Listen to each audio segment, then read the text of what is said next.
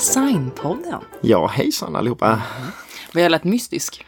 Jo, det är ju så. Och Det var inte helt meningen. Nej, det är ju inte så mystiskt ämne idag va? Nej, jag vet, men jag kände att jag så här viskade fram det. Ja. ehm, mm. Vad är det för ämne idag? Idag ska vi prata om Ja, vi, vi, vi snackade om det här lite innan eh, som hastigast i tidigare avsnitt när vi hade den här listan över vilka eh, var de mest sökta designmöblerna på Blocket. Mm, just det. Och vad toppade då om inte stringhyllan? Stringhyllan! Och eh, det är väl det vi ska prata om idag. Ja, men vi tänkte väl det. Alltså, vi vill ju variera lite. Mm, och då är jag tillbaks till Sverige igen och en lite, vad ska man säga, enklare designklassiker. Ja, men precis. Och liksom bara en pryl istället för fokus på själva Mm, en då, människa. ja, precis, då blir det ju lite grann kring eh, eh, formgivarna bakom. Ja, ja, och självklart. sen så blir det mer fokus på prylen i sig va? Ja, exakt. Det är stringhyllan som är. i fokus idag. Ja. Yeah. Och eh, vi som pratar heter Sanna och Andreas och vi kastar oss in i veckans avsnitt av Designpodden.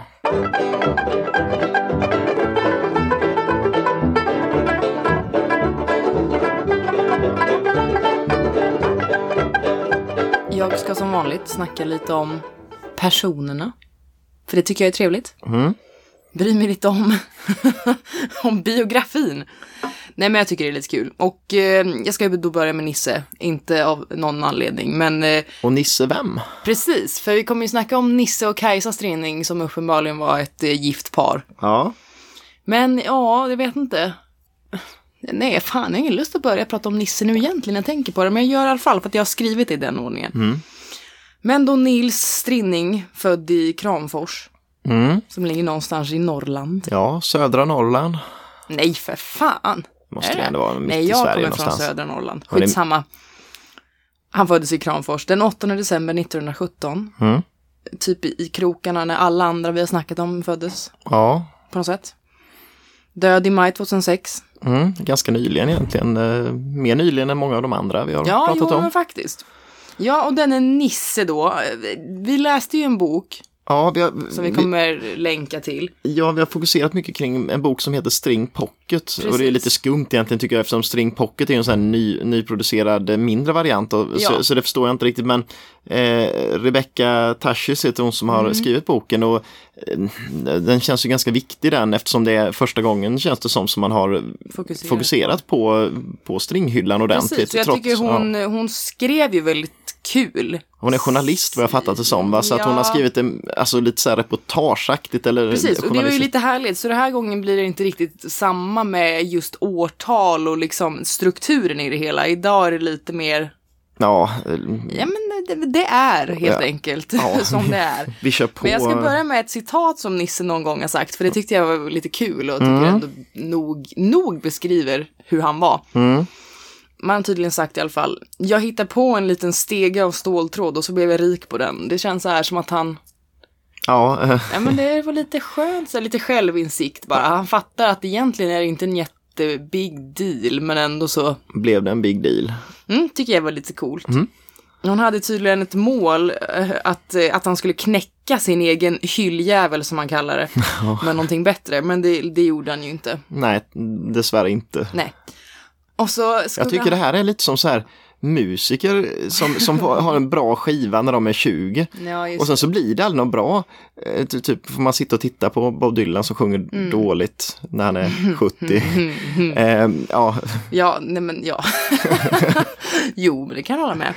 I alla fall, han, han hade det där tänket att han skulle knäcka saker och ting. Och han skulle tydligen även knäcka Arne Jacobsens Myran som var en väldigt, eh, men det var typ den moderna stolen liksom. ja, just det. Och det, det var den han såg som kanske då någon så här en sån klassiker verkligen som eh, Ja men det kändes så.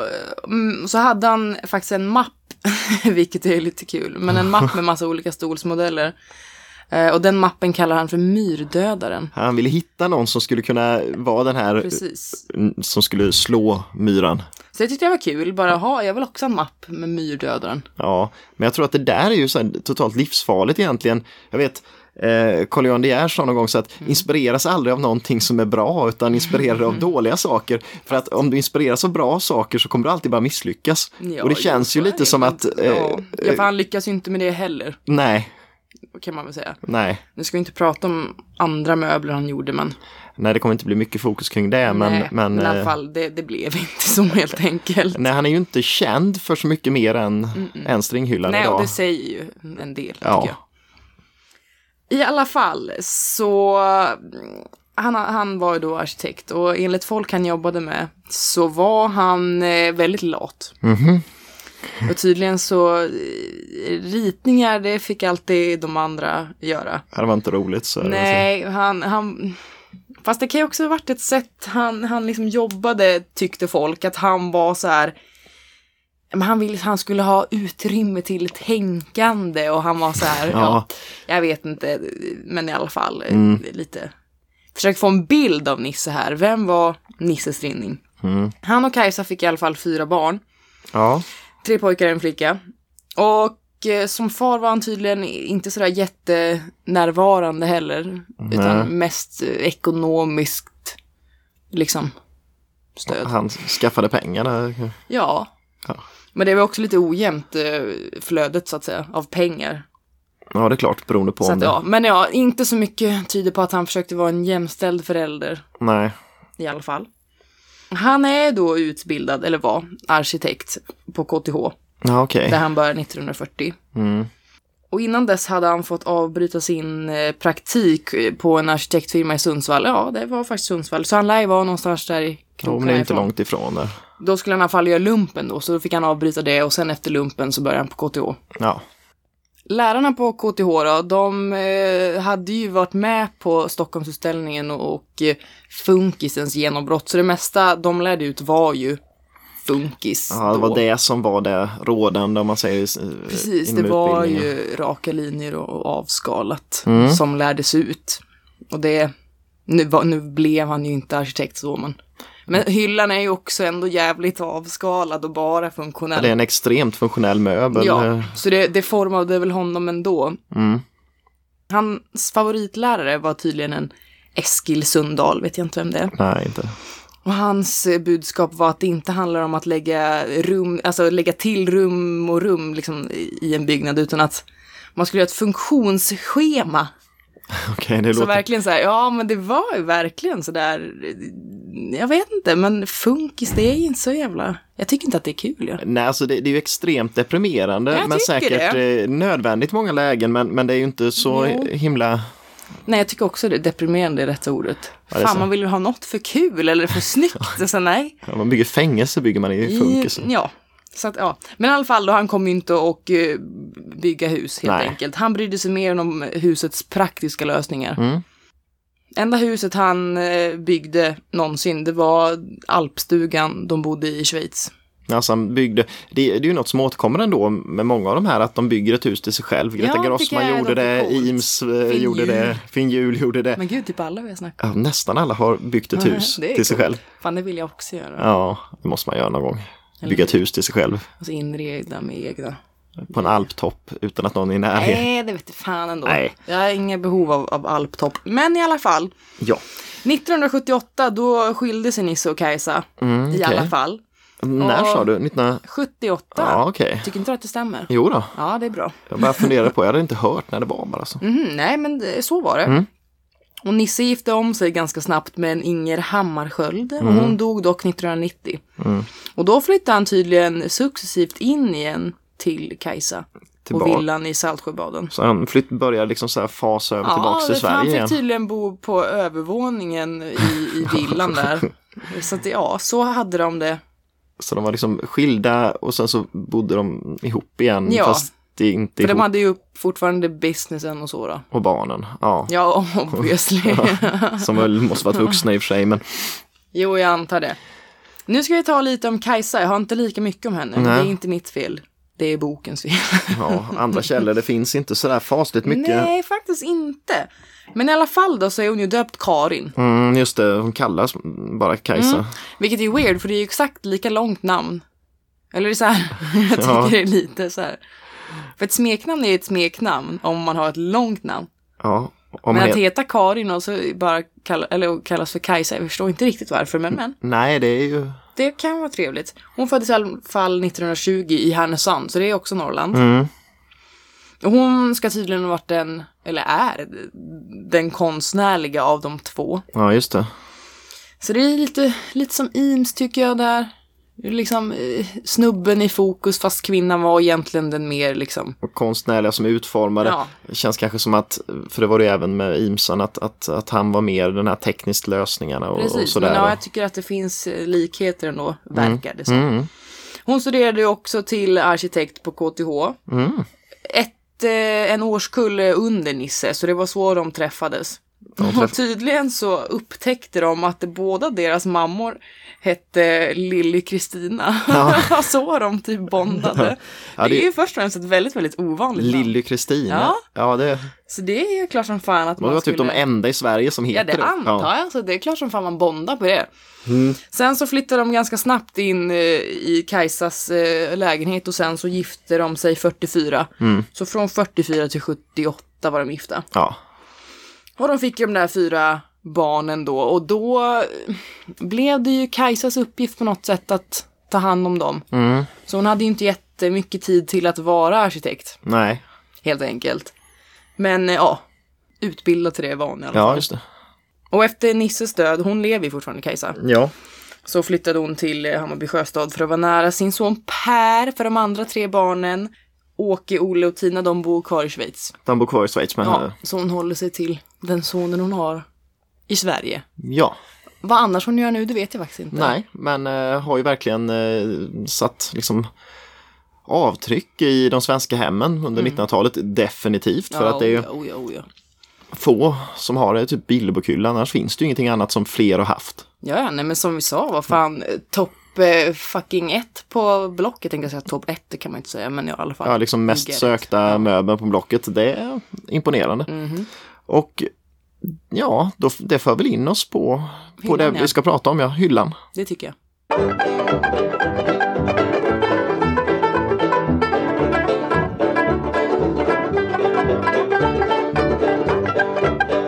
Och eh, den möbeln då som vi Alltså hela orsaken till att vi pratar om, eh, om det här paret idag och att alltså det, det är ju stringhyllan helt enkelt. Och man kan säga, allt började ju 1949. Eh, Och det började på, på dass eh, sägs det då. Eh, och, och Nisse har ju berättat den här historien många gånger i artiklar och för journalister och så. Det var att han, han satt på toa helt enkelt. och han funderade på lös han hade suttit och funderat, på, funderat länge på en, en, en bokhylla, en väggbokhylla. Just under, under den sessionen eller? Nej, han eller hade väl tänkt eh, generellt sett men inte kommit på en riktigt bra lösning. Men, plö- men plötsligt då när han satt där och Mm. Gjorde det han gjorde så kom han på att jäklar, jag ska inte ha konsoler, jag ska ha gavlar med stegar i metall. Och där kom idén till stringhyllan. Alltså han, det, han har berättat att han har kastats ut från toaletten och sprungit fram till eh, någon, eh, om det var någon eh, tidning eller vad var han, han, han började skissa på direkt där för han skulle ha ett papper bara och ritade upp den här idén. Och eh, Kajsa var inte alls förtjust tydligen i början. Hon tyckte så att du hålla på, på med något vettigt istället. Det där det går det åt huvudet liksom den här hyllan. nu. får du. Men eh, hon nappade ju och såg ändå sen när hon började kika på hans eh, första liksom, primitiva skisser The på den att potential. ja, det här, det här är nog ändå något jäkligt bra. Eh, Och allting hade ju lite sin bakgrund. Han eh, hade gjort tidigare en, eh, bland annat då en, en, ett diskställ Mm, som är lite den här föregångaren till de diskställen vi har idag. Eh, ja, för oss som inte har diskmaskin då. Eh, så att eh, det är ju ett ståltrådställ eh, som är ståltråd klätt i liksom, plast eller gummi över metallen. Eh, och sen skulle man då kunna i funkisens goda anda då kunna ställa disken direkt ner i stället istället för att torka det. Ställ disken istället istället. Eh, eh, men, men, och det är ju liksom en sån här funkisgrej. Man ska inte Men vad hade man ingen ställ innan? Nej, egentligen inte. Torkar Man, man man handtorkade ju disken. och det här stället, det, måste ha funnits i bakhuvudet ändå på något sätt när han Ja, kom på gavlarna. Ganska kraftiga likheter. Och eh, det, sägs att han, han, han åkte ner till Östermalms armaturfabrik eh, där de här diskställen hade gjorts, eller modeller till dem i alla fall. Och um, han tog med sig en ritning och bad dem att börja liksom, testa och göra gavlarna. Mm. Och eh, de här diskställen gjordes av en firma som eh, heter Elfa, den finns fortfarande kvar. Mm. Eh, jag tror att den håller på att avvecklas nu men eh, den har funnits fram till nu i alla fall. Eh, och det var, en, en, var någon som var gift med Nisses kusin, Arne Lydmar, som, som drev den här firman då, va, som producerade diskställen. Hur som helst så eh, de, de kom fram till, Nisse och Kajsa, de skulle göra en hylla för att testa. Mm. Eh, och, Kan då, och då blev det liksom en, sån här, en urhylla. Den här urhyllan till string, undrar var den tagit vägen egentligen. Den, Finns den kvar? Nej, Nej, finns den säkert Det inte. var säkert inte så good quality. Nej, men de kallade den då för Sing. Ja, just det. Eh, och, och den här hyllan, den hade ju klara likheter med, med stringhyllan eh, som den kom att se ut. Men den hade ju de här steggavlarna. Mm. Men hade inga krokar eller så här i hyllplaner utan hyllorna låg eh, på stegarna bara. Utan att var Mm. liksom, okej. Mm. Förmodligen fanns det ju någon skåra eller något som man sköt i dem i men de liksom fortsatte lite förbi. Eh, och sen så eh, hade den inte heller, alltså, bot, alltså längst ner på gaven så var det rakt. Just Idag är det ju liksom, den- den är ju sned både upp och ner om man säger Mm, gaven. just just. Ehm, men, men den var rak. Det man kan se redan i de första skisserna, då, redan då eh, ritade de ju på att kunna göra ett flexibelt hyllsystem med både nattduksbord med lådor och alltså, skrivbordsdel och sånt. Så att det fanns ju med redan från början. Men som sagt var, det var de här lite, ja, vissa saker som skilde sig markant mot hur, hur det kom att bli sen. Mm. Men mitt i det här, när de håller på med hyllan och, hå- och håller på att skissa med det, då, då har eh, man en utställning i eh, Zürich med svensk design. Och av någon anledning, jag vet inte riktigt, eh, så, så får, får Nisse ta med sådana här tråddiskställ dit. Så han tar med hundra sådana ner dit. Som han tydligen kränger iväg där nere. Ja. Ehm, och sen så hade han också med bord som man idag kallar som en stringben, men han ritade, han och en, en, eh, studiekamrat som eh, hette Torsten Westman, han, de, de, de hade gjort ben i ståltråd också till olika bord. Eh, och de här utställningsborden de, de togs med ner dit också, men dock inga stringhyllor. Men det här kom ju mitt i samma veva som man höll på att utveckla stringhyllan. Och det känns som 1949 var ett sånt väldigt händelserikt år för, för eh, Nisse också. Eh, För att han fick resestipendium så att han kunde åka ut i Västeuropa och på liksom sån här, någon utbildnings... Man ska se sig om liksom. Eh, Och det har ju många av de här också vi har läst om, Ja. verkligen fått eh, ge sig ut på olika resor liksom. Och han åkte till Haag bland annat, han träffade kvinnor hela tiden, jag vet inte Ja, riktigt. det eh, läste jag ju också. Men jag valde att inte ta upp så mycket. Jag vet inte varför, det, det behöver inte alls vara, men fru Kaiser träffade han i Haag, en sjuksköterska. Och hon, hon hade under andra världskriget och eh, tiden precis efter hon tagit hand om flyktingar eh, som flydde undan kriget och bombningarna i städerna. Liksom. Och, och då hade hon ju sett hur jäkla dumma de gamla möblerna var. För att de eh, var väldigt oflexibla, de tog upp stora delar av rummet, liksom hade ingen, ja, de, de var dumt när man skulle ta in massa folk i sitt hem. Va? Så hon hade intresserat sig för lätta små funkismöbler.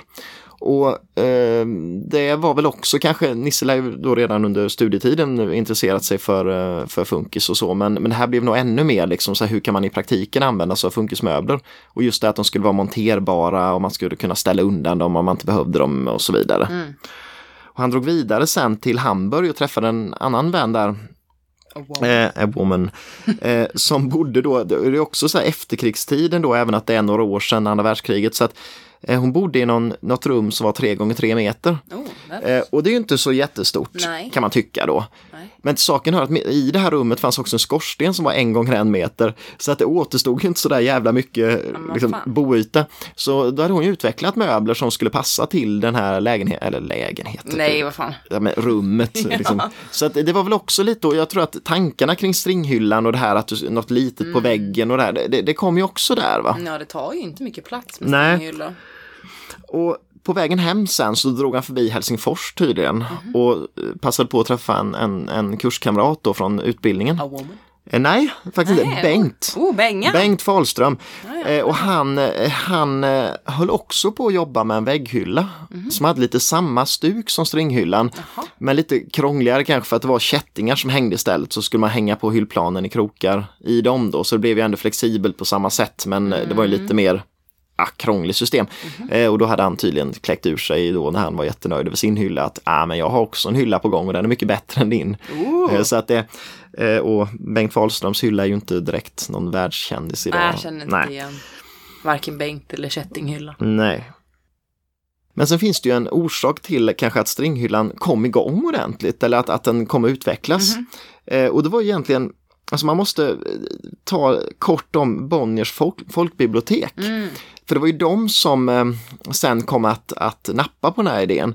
Eh, och Bonniers folkbibliotek det var ju egentligen det grundades 1947 och tanken var att man skulle liksom göra billiga böcker med bra litteratur som många kunde köpa och läsa då Funkis. funkis det med eh, på, på sitt sätt. Men tydligen fanns det ett problem och det var att, för det var någon sån här resande säljare som åkte runt och sålde de här böckerna i någon sån här Tupperware-stuk liksom.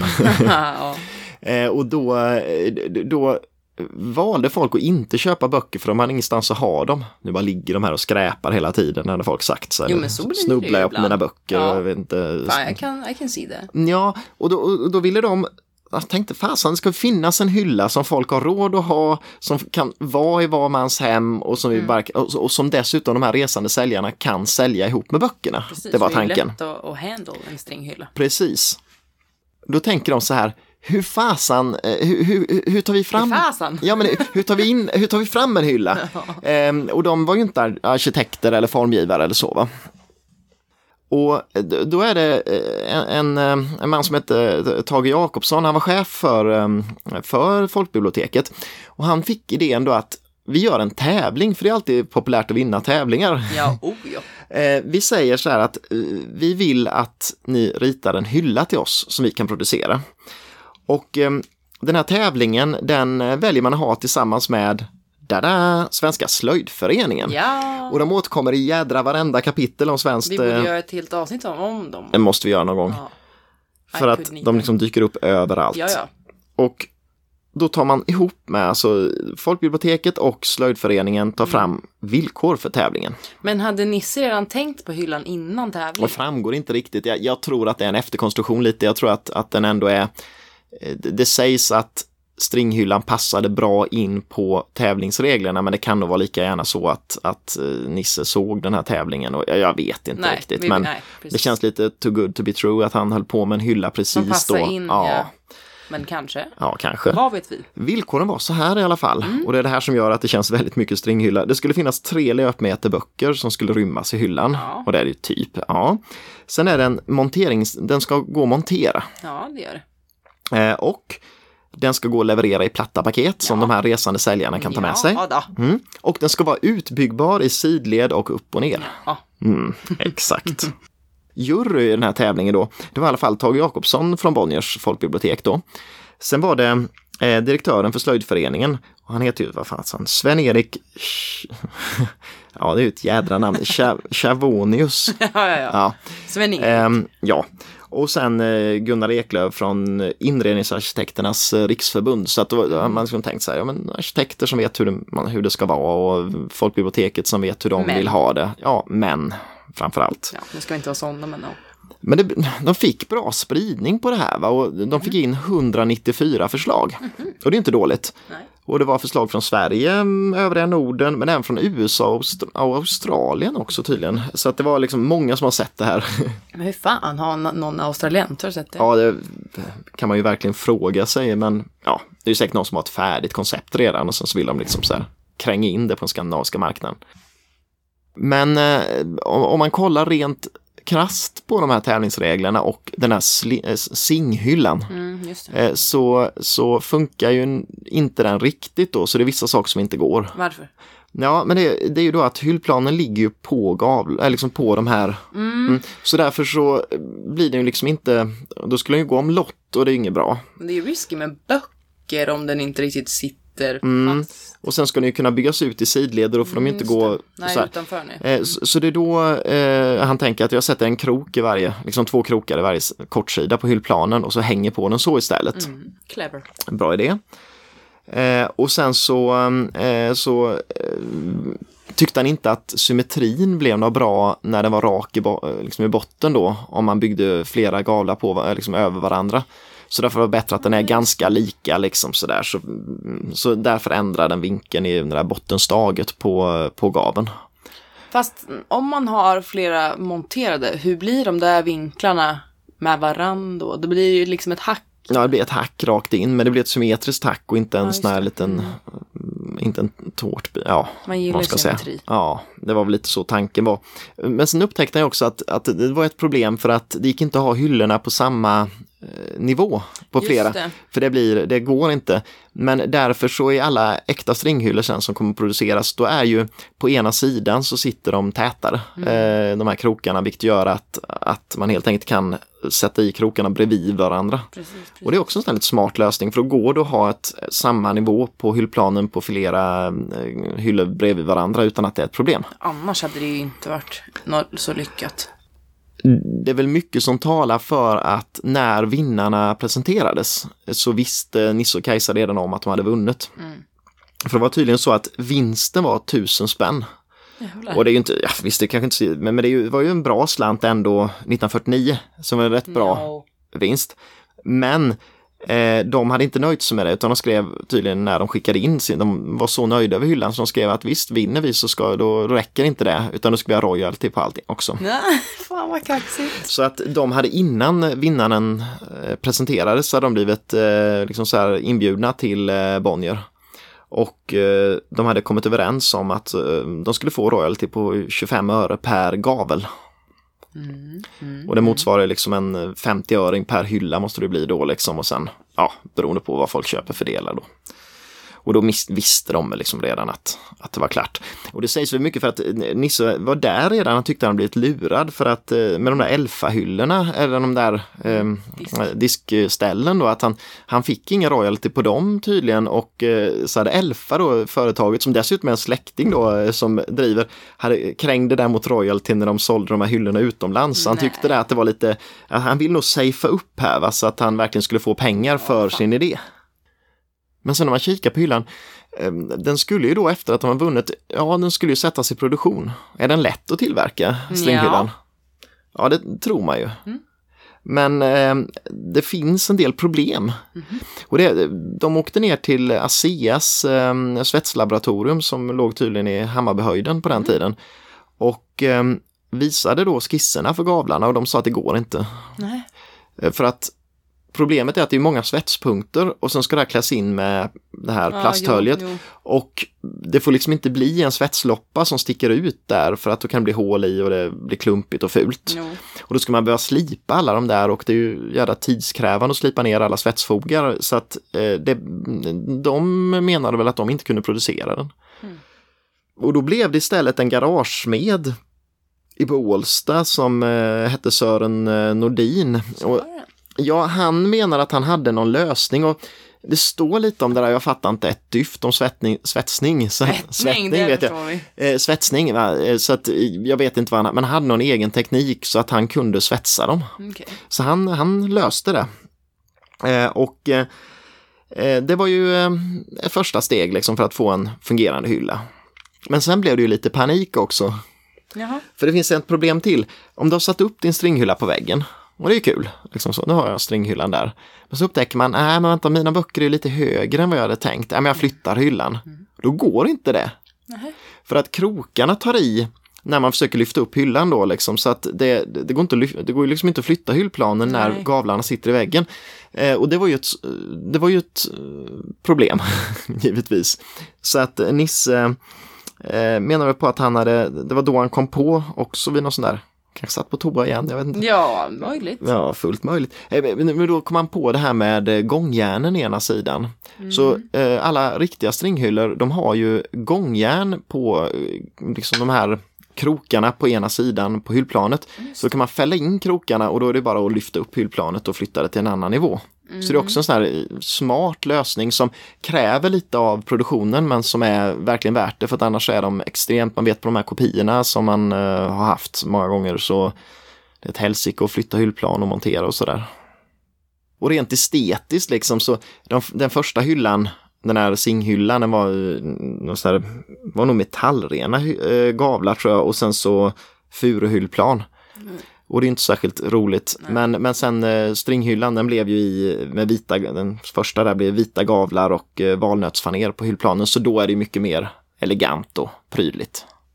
Och en, en till sista liten förändring som han gjorde på, på stringhyllan innan, eh, nu säger jag han hela tiden, men, men ja, han framhäver sig själv väldigt, eh, tycker jag, i beskrivningen mm. av hur mm. produktionen gick till. Och jag, jag vet inte, det, det, finns inget dokumenterat hur, hur själva liksom designprocessen Nej, gick till. Det är ju som vanligt när det är så här, det manliga geniet och det är han som får fokus. Ja. Det är klart som fan att, att kvinnan blir bortglömd. Men, så det är inte meningen att vi fokuserar Nej, på Nisse. Men hur som helst, alltså gavlarna gjordes lite kortare. Också mm. för att, alltså från början så var gavlarna en bit längre än, än vad de är sen på stringhyllan. Men det var för paketeringens skull, för att optimera liksom utrymmet så inte de stack upp för mycket längre än hyllplanen. Så det blev en optimal produkt att packa ner i små paket. Men när och... blev det en string från Sing? Ja, men det är ju eh, när den kommer i produktion sen egentligen. Och Sing finns väl inte utan det är ju den här prototypen, urhyllan. Ja, Urmoden till alla stringhyllor. Det är ett jävligt bra namn tycker jag ändå. Ja. När man heter strinning, annars inte. Nej, men exakt. Eh, och, och, det där diskuteras ju också i och för sig, det där med namnet. Mm. För det kom ju på förslag string. Och det syftar ju på strinning men också då på ehm... Men den är ju stringig på något sätt. Jo men ex ja exakt, strings, alltså ja, strängar jag, ja. och det är väl också det de har tänkt på givetvis att det är metallsträngar, metalltrådar. Eh, Så ett bra namn på många vis. Jäkla bra namn och funkar bra internationellt. String. Japp. Yep.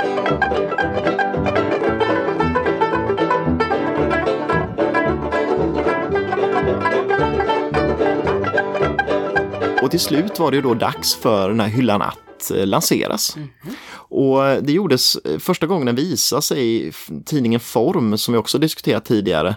Eh, nummer ett 1950. Och då kallas den ju BFB-hyllan och det är det som står på väldigt många av de här hyllorna. BFB, Bonniers folkbibliotek måste det ju stå för. Ja, ja. Och eh, redan, alltså det är ju en jäkla succé från början. Redan vid nyår så kan eh, Paret Rinning eh, kvittera ut 10 000 spänn i royalty. Oh. Så att det är många gavlar som är tillverkade där. Det är många där. gavlar om det var 50 öre per hylla. Så att ja. Säga. Så att det där är ju, ja det är en jäkla succé och det måste ju funnits en enorm efterfrågan för en sån här hylla. Mm. Um, och den sprider sig också, alltså det är inte bara de här enkla hemmen och sådär, alltså i FN-skrapan 1950 så får alla kontoren stringhylla och sådär så att mm. han når ju ut så, så jäkla fort alltså med, med den här hyllan och, och så. De. Och sen vet jag inte sån här tidig produktion av den och så, alltså 1952 så finns det med på Rös, Röska eh, museet i Göteborg på utställning där. Och det är samma år som man startade String Design AB som ska vara mm. företaget som, som producerar stringhyllorna. Och då tänker man så att det är ju Nisse och Kajsa Strinning som är det här företaget, men det är det ju inte alls. Utan det ägs av eh, Kai Bonnier som tydligen hade kört Albert Bonniers förlag i, i, i botten och det gick Jaha. riktigt dåligt så fick han ta över det här. Och Tage Jakobsson från Folkbiblioteket blir vd i företaget. Så att det är väl Strinnings, de blir väl på något sätt, de får så här utslagsröst om vad som får produceras och sånt. Men det är mer om, om produktionen i allmänhet och så. Och, men det måste ju gått bra för de, de, de startar något kontor där mittemot pub eh, på Kungsgatan och har 17 rum. Så, där, där kontor, där, så att det, det, är ju ett stort företag direkt. Men det är väl mycket på grund av den här enorma liksom, succén med hyllan. Men jag läste om ett arkitektkontor i Saltsjöbaden också. Jo, eh, ja, jag vet inte, det är ju där de, det är ju där de öppnar först då. Och sen finns det ju Säffle också, det här företaget. Säffle? Av alla jäkla ställen. Men företaget finns kvar i en eller annan form fram till 71 när det kursar då. Men sen pratade vi om det här att, att stringhyllan, det var ju hans den där storhetstiden när, när Nisse berättar om sitt liv. Eh, och det blev inget annat. Det, kom ju massa andra saker som man producerade också va, och inom företaget. Ja, de, fast det är bara han som står på modellen på allt annat de gör sen. Så jag vet inte om hon slutar sen. Och, Som sagt, hon hade fan ingen tid. eh, det, det kommer ju, det som kan vara värt att nämna är ju att, att det finns lite andra, alltså det, det kom, det, den utvecklas ju stringhyllan. Eh, och eh, ganska, alltså bara några år senare, 1953, så, så tas det fram en fristående hylla, alltså en golvstående hylla. Och det där berodde mycket på, alltså vissa lägenheter är det inte så populärt att man drar upp hur mycket hål som helst. Och betonghusen som börjar komma gör ju också att det är svårt att sätta upp stringhyllor så då, då kommer efterfrågan på en, på en, en vanlig bokhylla, om man säger vanlig, liksom inte vägghängande. Nej. Och eh, den har nog många sett, eller de flesta har sett den här. Eh, och fördelen är just att den kan stå, men, men Nisse har alltid liksom uttalat sig ganska negativt om den hyllan och det kan man förstå på ett sätt, för det finns ett problem med den och den, den har ju som tvärs, alltså så här metallstag i ryggen som ska hålla ihop hyllan och göra att den inte vinglar. Men de är extremt svåra att sätta upp. De är inte alls sagt lätta. Jag har själv satt upp såna här hyllor och de är, man svär både en och två gånger innan man får upp dem. Plus att, jo men liksom plus att eh, jag vet inte, det, det, det håller inte riktigt designkonceptet egentligen till stringhyllan för de är lite mer Men det det låter inte- gängligt. Ja, och det är inte det här enkla. Gängligt. Ja, men, och att det, det, är ingen klockren konstruktion. Nej.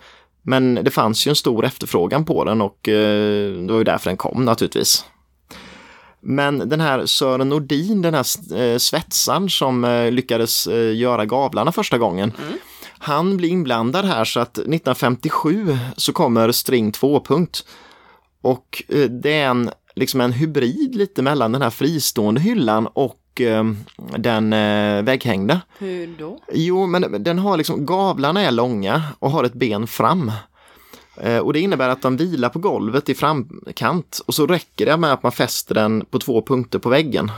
Så man behöver liksom inte sätta upp den på flera ställen och då kan man få en hel stringvägg med bara liksom en skruv i varje gavel. Eh, och det är ju en, en fördel naturligtvis, för då blir det färre hål men ändå en stabil konstruktion som inte kräver de här nedrans eh, liksom stagen i ryggen. Och på något sätt så blir ju stringhyllan, i och med att den är en sån succé, så hämmas lite så utveckling av andra modeller och, och det blir inget så här, ingen större grej av det. Ehm, det fanns något förslag där från Strinnings att, att, att göra en hylla med plåtgavlar istället, som är liksom som plåtskivor och sådär man kunde det- hänga hyllorna på. Låter inte som. Nej, men det, de fick nej helt enkelt av han den här Kai Bonnier som eh, ägde företaget, att det var inget. Och så kom det ett förslag sen på plexiglasgavlar. Det finns väl? Ja, den finns eh, och den, den fick han ett OK på att göra. Men det var i princip ingen som köpte dem. Nej. Men den här Tage Jakobsson då från Bonniers folkbibliotek som var vd, han, han, eh, liksom, han, han trodde visst tydligen väldigt mycket på det. här, Så han köpte plexiglas för 300 000 då, 1953, 54 vad det var. God. Eh, Och det var en dum idé med tanke på att det inte var någon som köpte plexigavlarna eftersom det blev en dyrare hylla och man tyckte väl inte det var värt det egentligen. Det där. Att, Fast jag det- tycker fan det låter ganska nice. Absolut, och idag tycker jag det är en jätterolig hylla men Ja, det det, den var ingen försäljningssuccé. Och det säger väl lite att den såldes på den tyska marknaden på 80-talet, de, de gavlarna som han köpte på 50-talet och, producerade. Så det, det, vart väl ingen, det var ingen klirr i kassan Nej, med den. nej. Och det kanske var det som gjorde också att man inte vågade satsa så hårt på nya modeller direkt. Värt att nämna är väl lite den här internationella försäljningssuccén som stringhyllan blev och det känner nog många till också att det fanns produktion utomlands på Nej. stringhyllor. Ja, men det gör det. Deutsche String till exempel från 1956. Ja, men det är ju den, den tyska produktionen. Eh, Och det. Nej, okej. eh, Men, eh, det, det- var väl så att, att, eh, att de sökte ju någon form av, säkert inte då från det svenska bolaget, men eh, Nisse och Kajsa ville väl ha en produktion utomlands som man också kunde få naturligtvis royalty på också då. Och de lyckades hitta, det var en butik i München som hette Formin Raum eh, och eh, det var en fabrik också i närheten då i eh, Wendel byråmöbel i Rosenheim som är ja, precis där till. Eh, där man kunde då producera hyllorna och sälja dem ifrån och då skapades det här eh, tyska stringföretaget. Deutsche. Ja, Deutsche. Ehm, så att man kan säga att det, på något sätt efter den här succén i Sverige så blev de stora succéerna sen utomlands, och till exempel i det här tyska bolaget. I Sverige så, ja, eh, Tage slutade som vd och istället kom Erik Rosenström som inte alls var designintresserad. Mm -hmm. Och han och Nisse verkade inte ha kommit överens särskilt väl.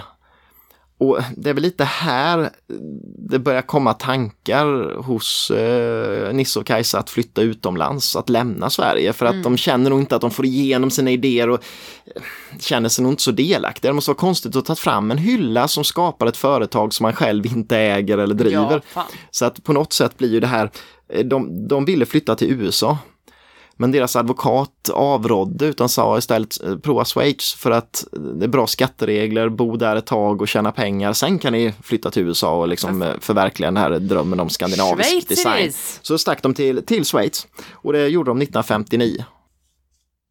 Och av det här senare sen, om man säger in på 60-talet och så, eh, det kom ju en modell till av en, en golvhylla som heter Continent och det är en, en eh, fristående variant som inte påminner om varken eh, den här eh, tvåpunkt eller den vanliga eh, fristående hyllan. Eh, utan den är liksom en mer fyrkantsrör än gjord i, så det är inte de här runda strängarna längre och lite kraftigare eh, förkromad hylla istället, så den har inte kvar de här plastbeläggningen heller längre. Och den blev heller aldrig någon succé. Trots att det där är en jäkla bra hylla och stabil och kraftig och inte alls som de här andra golvstringhyllorna som är ganska jingliga och, och så va.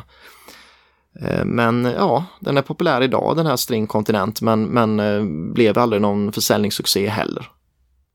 Och eh, från och med den här toppen som kom när stringan, stringhyllan producerades så, så bär det ju bara ut för egentligen hela tiden. Mm. Känns det som det är hela, hela den här historien är ju lite så. Så att det här stringföretaget som sen blir String Säffle och, och, som producerar lite olika möbler och sånt där också. Det, det ja, det, efter den här nya vdn och så, det, det blir nog aldrig något vidare egentligen. Och eh, till slut så tillsätter man ytterligare en ny vd då som heter eh, Kalle Högberg och hans uppdrag var egentligen enbart att lägga ner företaget och tömma lagren.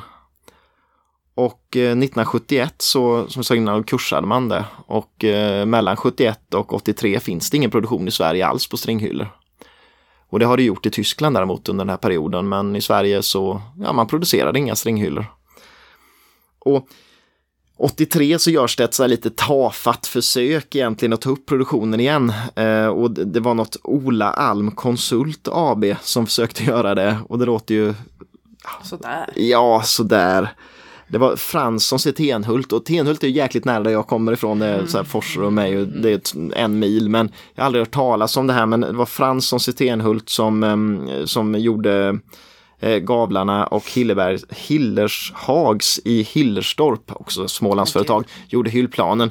Men det var liksom så här laminerade hyllplan och sen så röda gavlar. Och tanken var att man skulle sälja dem till den amerikanska marknaden också sådär, men det blev ty tydligen var det 20 containrar, hyllor och så vart det inget mer. Eh, så att det där blev ett fiasko. Och förmodligen ingen så bra genomtänkt idé utan man ville bara mjölka mer pengar ur stringhyllan. Och sen då 1998 så görs ytterligare ett nytt försök att, ja, nu ska vi försöka att ta upp produktionen igen och det är eh, någon, ja, det är liksom Eh, Eh, Kalle Högberg, eh, han, han hade ju lagt ner det här en gång tidigare då, bolaget, men han, han bor i Bodafors eh, som ligger utanför Nässjö och är ju känd för sin möbelproduktion och så, men tanken var att ja, men nu, nu ska vi ta upp produktionen av stringhyllorna igen. Så han tar fram någon liksom så här med silvergavlar och sen så eh, hyllor tillverkade i Baltikum liksom och, och, det var så här krokarna var i plast istället och ganska tafflig hylla det är med då Exiat hette väl företaget. Och det, ja jag vet inte, det, det blev väl heller absolut ingen försäljningssuccé i alla fall får man väl lov att säga. Och det höll väl inte på så länge det. Och 2002 så tar Åfors möbelfabrik över licensen, den hoppar så här liksom nu. Och Åfors är ju ett anrikt företag som har tillverkat mycket malmsten och sånt eh, genom åren. Men det här var väl också ett företag på dekis då känns det ju som så att de försöker väl tänka att ja men det här kanske är en bra idé och tjäna lite, ja men de håller på att tappa, det have lost it. Så här, de, eh, nej men det gick väl inget, nej men det gick väl inget bra på, nej, för Åfors. Eh, så att eh, de har licensen i två år men går i konkurs 2004. Och det är då String Furniture bildas i Malmö och de köper licensen och eh, börjar producera de nya hyllorna som produceras än idag.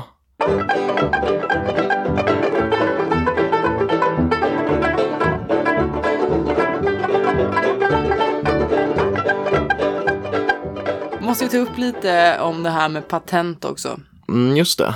Det det. blev ju en ganska big deal. Jo, men eh, för alla har vi väl sett eh, stringhyllor som inte är stringhyllor. Ja, alltså enligt Nisse själv så hittade han säkert 200 kopior. På sin hylla, så Ja. som andra företag har gjort då. Hans advokat eller deras sa dock att det, ja, 100 kanske kopior. Som är så pass lika att de är en kopia. Ja, så han överdrev lite, men, men, men, men. Ja, hundra är ju rätt mycket det med. Ja, det är ju skitmycket. För att hela grejen då till varför det han blir så många Mm. Är att denna patentstrid varade i, i tio år ungefär. Så under den tiden var det typ fritt fram liksom. Det eh, var det ja. var ju liksom, för då fanns det ju inget patent. Nej. Så advokaten då försökte få patent på Stringdesign AB och, och eh, hyllans eh, upphovsskydd helt enkelt. På själva få, alltså hur man gör hyllan. Ja. Och det, var, det drevs under he, hela 50-talet i princip. Mm, det är klart då ja. Och eh, fram och tillbaka där med, som med allt annat i, i deras liv typ. Men det blev avslag hos Patentverket och tingsrätten i så flera olika omgångar och så överklagar de och så höll det på sådär. Det är klart för det krävs ju att man har en unik konstruktion som ingen har gjort Ja. innan någonting. eh, Och det var väl det, för att Patentverket då, de presenterade två exempel på sån där steglik eh, gavel som föregick strinning. Och det var ett exempel från en fransk tidning med samma idé, dock var den helt gjord av trä så det var uppenbarligen inte Men ja, nej. exakt, men principen var same. Och så fanns det tydligen ett amerikanskt patent på en skylthylla. Och den var i så stål, ståltråd säger man väl inte, men ja du Ja, förstår. metallstänger så. Ja, lätt, ja, ståltråd är lätt att säga. Ja. Men i alla fall. Och det var också den där stegidén. Mhm. Och den var ju dock golv, eh, ja. En golvvariant. men det gjorde de ju precis. också då sen. Så, Så, det, den ja. var ändå, där såg jag absolut likheterna. Så att ja, de hittade ju lite olika exempel på. Ja, men vad hände då? Eller vad? Ja, men det, det blev de vann ju till slut ändå. Och det var ju då helt enkelt den eh, 16 november 1961. Ja. Och i Högsta domstolen den 17 december 1962. Så 62 Så egentligen Från- 11 år efter att han ritade hyllan fick han patent på den då. Ja, och patentet Eller godkändes 11, det då. är 13 år efter. Ja. Citat. Byggbar förvaringshylla företrädesvis för väggmontage. Mm. Så det, det är liksom kort Ja. patentet helt enkelt. Och ja, som sagt, många kopior hann göras på den där tiden. Och, och de ser man ju ofta, alltså det är ju typ merparten av de hyllorna man hittar i antikaffärer och så idag. Och på auktion, liksom, det är ju inte stringhyllor. Nej. Utan stringhyllorna har ju alltid den här, det kan man väl liksom tänka på, det är ju den här ledade, alltså gångjärnet som finns på ena sidan på varje hyllplan, alltså två stycken gångjärn som sitter vid krokarna. Det finns ju väl aldrig på någon kopia vad jag har sett. Och det är lite sånt där som, som, som skiljer, så att kvaliteten är ju naturligtvis bättre men jag antar att det var svinbilligt att köpa en, en kopia liksom. Ja, och det är det väl nu med, Ja, jag tror Ikea hade någon variant som var en ren rip-off till exempel. antar det. Och det här var ju en liten eh, bakgrund till stringhyllan, en liten genomgång, eh, vilka som har gjort den och så vidare genom årens lopp. Och eh, ja, eh, jag vet inte, du hade lite klubbslag va? I always do. Eller ja, det måste man ju ha känner jag. Det är min grej detta. Ja, lite vad de sålts för. och Ja, och eh, internationellt så hittar jag ju inte mycket överhuvudtaget. Därför blev det lite surprise ändå. När du sa att det var så mycket. ja, det finns ju större produktion utomlands tror jag än i Sverige. Men eh, ja. Tydligen, det jag hittade i alla fall, det var noteringar och det var mest från Belgien. Ja, Och då var det det dyraste ever mm, som du fann med, ja. som jag har hittat. ja. Det är att det var två sådana här golvvarianter. Mm. Men två stycken alltså. Mm. Som gick för 6600. Mm. Det är det dyraste jag hittade. Och det är ju liksom typ inte mycket och det... Det är nej. dock begagnat och Ja, såklart. jo. Men det är ju inte mycket pengar. Nej. Sen näst dyraste jag hittade var en sån där golfsektion. för eh, 2,6 och det var dock internationellt. Ja. Men förstår du, det är inga pengar alls. Nej, nej, Så att ja, det var inte så fascinerande idag. nej. Men i Sverige då finns det ju uppenbarligen hur många noteringar som helst.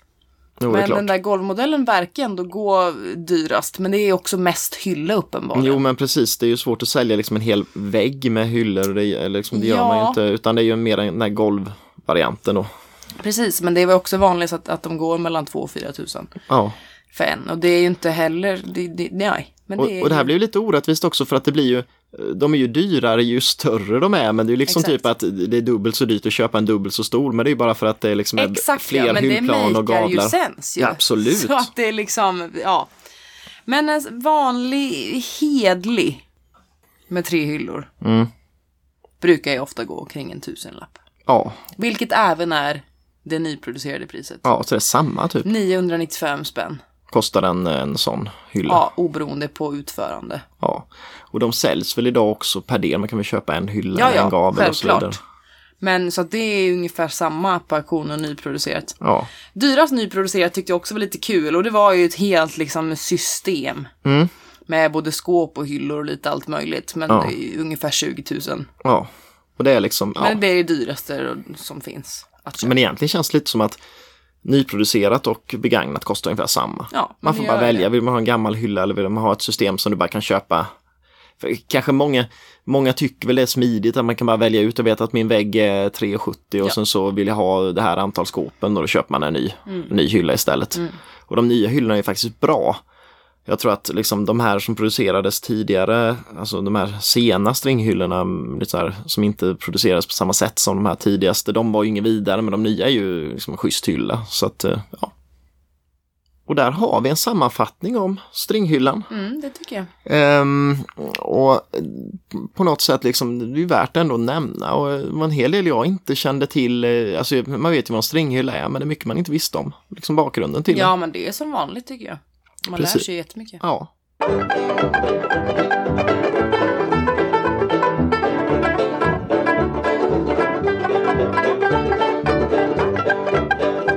Ja, nej men eh, vi brukar ju, vi brukar ha någon eh, eh, liten sån här avslutande del som inte har med ämnet att göra. Men jag tänkte Ja. att eh, det, finns ju en, en, en, liksom en, en liten sån här sidospår i, i Nisses Trinnings eh, eh, liv. Eh, så är det spännbenet. Och, och det vore lite kul att bara säga några ord om det för att det, det, man ska kanske inte låta det bara gå förbi. För spännben, vad är det? Bruno Mattsson. Ja, det tänker man. Och vad är det liksom? Det är ett ben som man spänner fast. Ja, som är liksom lite så här i metallben som man spänner Mm. det går, fast det på en går bordsskiva. helt enkelt att tö- töja tänkte jag säga. Det är inte rätta ordet, men ja. Jo, men typ. Eh, Och ja, det är som du säger, Bruno Mattsson är det man tänker på.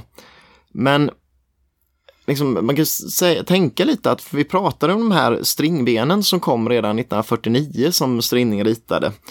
Eh, och eh, ihop med den här Torsten Westman som de hade med på Zürich-utställningen. Det är där som lite Nisse börjar tänka på hur man gör liksom, bordsben av eh, ståltråd. Men på sätt och vis så finns det ju, alltså elementen är ju de samma för att de byggde på, det var en, en, ett, ett avkapat kort, en kort rörstump längst ner. Han tryckte i liksom tre, tre stål, ganska kraftiga ståltrådar då, eller stålrör. Och sen så spändes de ut upp till och svetsades fast på en platta och sen så skruvades det fast på bordsskivan då. Så det blev ju liksom ett stelt spännben om man säger. Eh, egentligen då kan man väl säga att det spännben man ser idag istället, det presenterades ju 1964 på Liljevalchsutställningen. och presenterades presenteras av Piet Hein och Bruno Mattsson då. Och eh, 1965 så började de produceras med det här ellipsbordet med, med spännben och de presenteras på Nordiska galleriet och så vidare. Men redan här är det ju så här, det är så svårt att prata om, om hela den här historien för det är så infekterat allting. För att Pietine och Bruno Mattsson, de nämns i samma mening och det är så här jättebra och så. Men, men egentligen var det ju så att, att Bruno Mattsson, eh, han presenterade det här bordet på Nordiska galleriet och Pietine blir skitförbannad och stämmer Bruno Mattsson och de vägrar prata med varandra någonsin igen. Och det pågår en, en, en, någon form av rättslig tvist mellan Bruno Mattsson och Pietine om spännbenet fram till 1974 när de eh, får någon förlikning och det är därför både Fritz Hansen i Danmark och Eh, och eh, Bruno Mattsson International i, Sverige producerar eh, bord med spännben då liksom och så står det ju, det är därför på varenda bord som produceras som är ellipsbord med spännben då, då står det ju något så här på licens, liksom tillverkat av Fritz Hansen med licens från Bruno Mattsson International, står det tvärtom då på mm, mm. Fritz Hansen-borden då.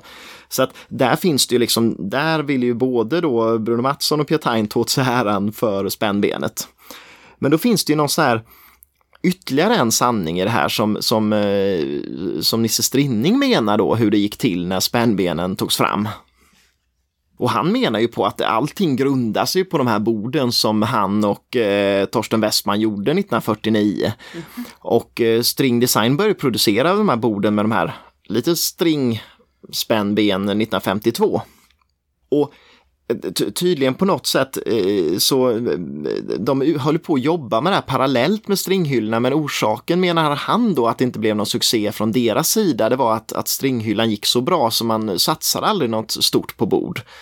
Eh, men de hade någon anställd som jobbade mycket med spännbenen och försöker hitta en lösning. Och han hette, vad var det, Bertil Berglind, någon på deras, i deras verkstad. Och han gjorde en sån konstruktion just att han tog de här och spände upp eh, metalltrådarna runt någon kloss under bordsskivan och monterade på det sättet och så. Det var ju någon primitiv eh, tidig variant av, av ett spännben som liknar det som eh, finns på ellipsborden idag då. Och på något sätt så menar då eh, Nisse Strinning att, att han på 60-talet, att han eh, i samband med att han vill göra ett bockbord ihopfällbart för att just passa det här med funkisidealen då, så, så eh, då, mm, eh, då gjorde han en spännbenskonstruktion av bocken under bordet då och så liksom istället, mm, han vände på den helt enkelt för ett bockbord har ju liksom en triangulär, ja, ett triangulär bock under varje sida på bordet. Mm. Då vände han på den, spände ut den och så blev det liksom en, eh, en upp och nervänd bock som byggde på att se ut som ett spännben fast eh, brett liksom. Och eh, i samband med det här, alltså han hade tydligen, han träffade väl Bruno Mattsson då och då och det menade väl Bruno Mattsson att så var det ju naturligtvis, de, de träffades ibland. Och de har tydligen i samband med det här pratat om spännben och hur det har gått till. Så här, och då har Bruno Mattsson nämnt att jo, men Pietaine i, i Danmark, han, han snackade med mig om det här för han höll på att jobba med någon spännbenskonstruktion och han vill ha hjälp att hitta en bra lösning på det här och så. Då, va? Och då involveras Nisse Strinning så han besöker också Pietaine i Danmark. Och när han gör det så ser han ett spännben på Pietaines mm, matbord där som påminner extremt mycket om det här benet som eh, när Bertil Berglind hade gjort på string. Och då börjar han ana ugglor i mossen här lite så att han börjar fundera och Piet gav ut böcker på Bonnier i Sverige. Mm. och Bonnier äger string och då börjar han och så här ana, han kanske har sett det här på något sätt via den kontakten då eftersom det är nästan exakt samma lösning. Eh, och sen träffas både då Pietaine och eh, Bruno Mattsson och Nisse Strinning och de bestämmer att ja, men vi ska köra ett företag ihop det här, eller liksom vi ska, det här med spännbenen, det här ska vi köra tillsammans. Men sen tydligen så backar Pietaine och säger att nej, det här har vi inte kommit överens om utan nu, nu kör vi på egen hand här och det här eh, går vi inte vidare med på något sätt. Och sen så är plötsligt då 64 så presenteras spännbenet som bygger på den här konstruktionen som Nisse menar att han egentligen har tagit fram. Mm. Och Ja, det, det är ju svårt att säga vad man, ja, man får ju säga vad man vill om det. Jag kan säga på den här Liljevallsutställningen 1964 då presenteras ju spännbenet på ellipsborden och samtidigt har eh, Nisse Strinning med ett eh, bockbord då med liksom den här spännbenskonstruktionen på det. Jag tror bara Nisse var desperat, liksom, han ville känna att han hade lyckats med något annat. Än bara ja. stringhyllan, ja. Och sen kanske det kändes lite så här, för, för, för naturligtvis är det optimalt spännbenet som det är på ellipsborden. Det är liksom så här klockren konstruktion. Och jag menar det känns tråkigt kanske att någon annan kunde vidareutveckla en idé man mm. själv hade. Men jag, jag, det känns väl lite så va. Det tycker jag. Och ehm, ja. Men vad vet vi? Vad vet vi egentligen men eh, intressant historia på ett jävligt tråkigt bord. För gipsborden är väl de man är mest trött på av alla bord som Ja, finns på marknaden idag. Ja, men precis. Ja. Men det var väl det vi hade idag va? Det var det. Och ehm, ja, vad ska vi säga? Det var, hoppas ni har kommit fram till något på detta lite småflummiga avsnitt. Ja, det ska tycker jag. Ja, det skulle det vara. Och, men har man ändå då att man är sur för att vi är flummiga eller att man har några åsikter eller idéer eller någonting så, ja va? Vad gör man då? Man får mejla Till? designpodden.gmail.com Och man kan gå in till vårt eh, eminenta Instagramkonto Ja, ja, ja, och ha, om man vill ha några, ja men komma med några kommentarer eller något. Och vi lägger upp bilder och sånt där och där heter vi. Designpodden. Precis, förstås. Och så på Facebook finns vi också. Eh, och nästa vecka på torsdagen så är det ju dags igen. Vad vi snackar om då, vet vi ens det själva? Nej, vi har fått lite förslag och sådär. Ehm, eh, och, och där tänker vi ju på dem i alla fall. Men vi, vi vi, är ju inte, ja, vi vet inte ens själva vad det kommer handla om. Men Det blir någonting säkert. spännande blir det säkert. Så att eh, ha det så bra så länge så ses vi om en vecka igen.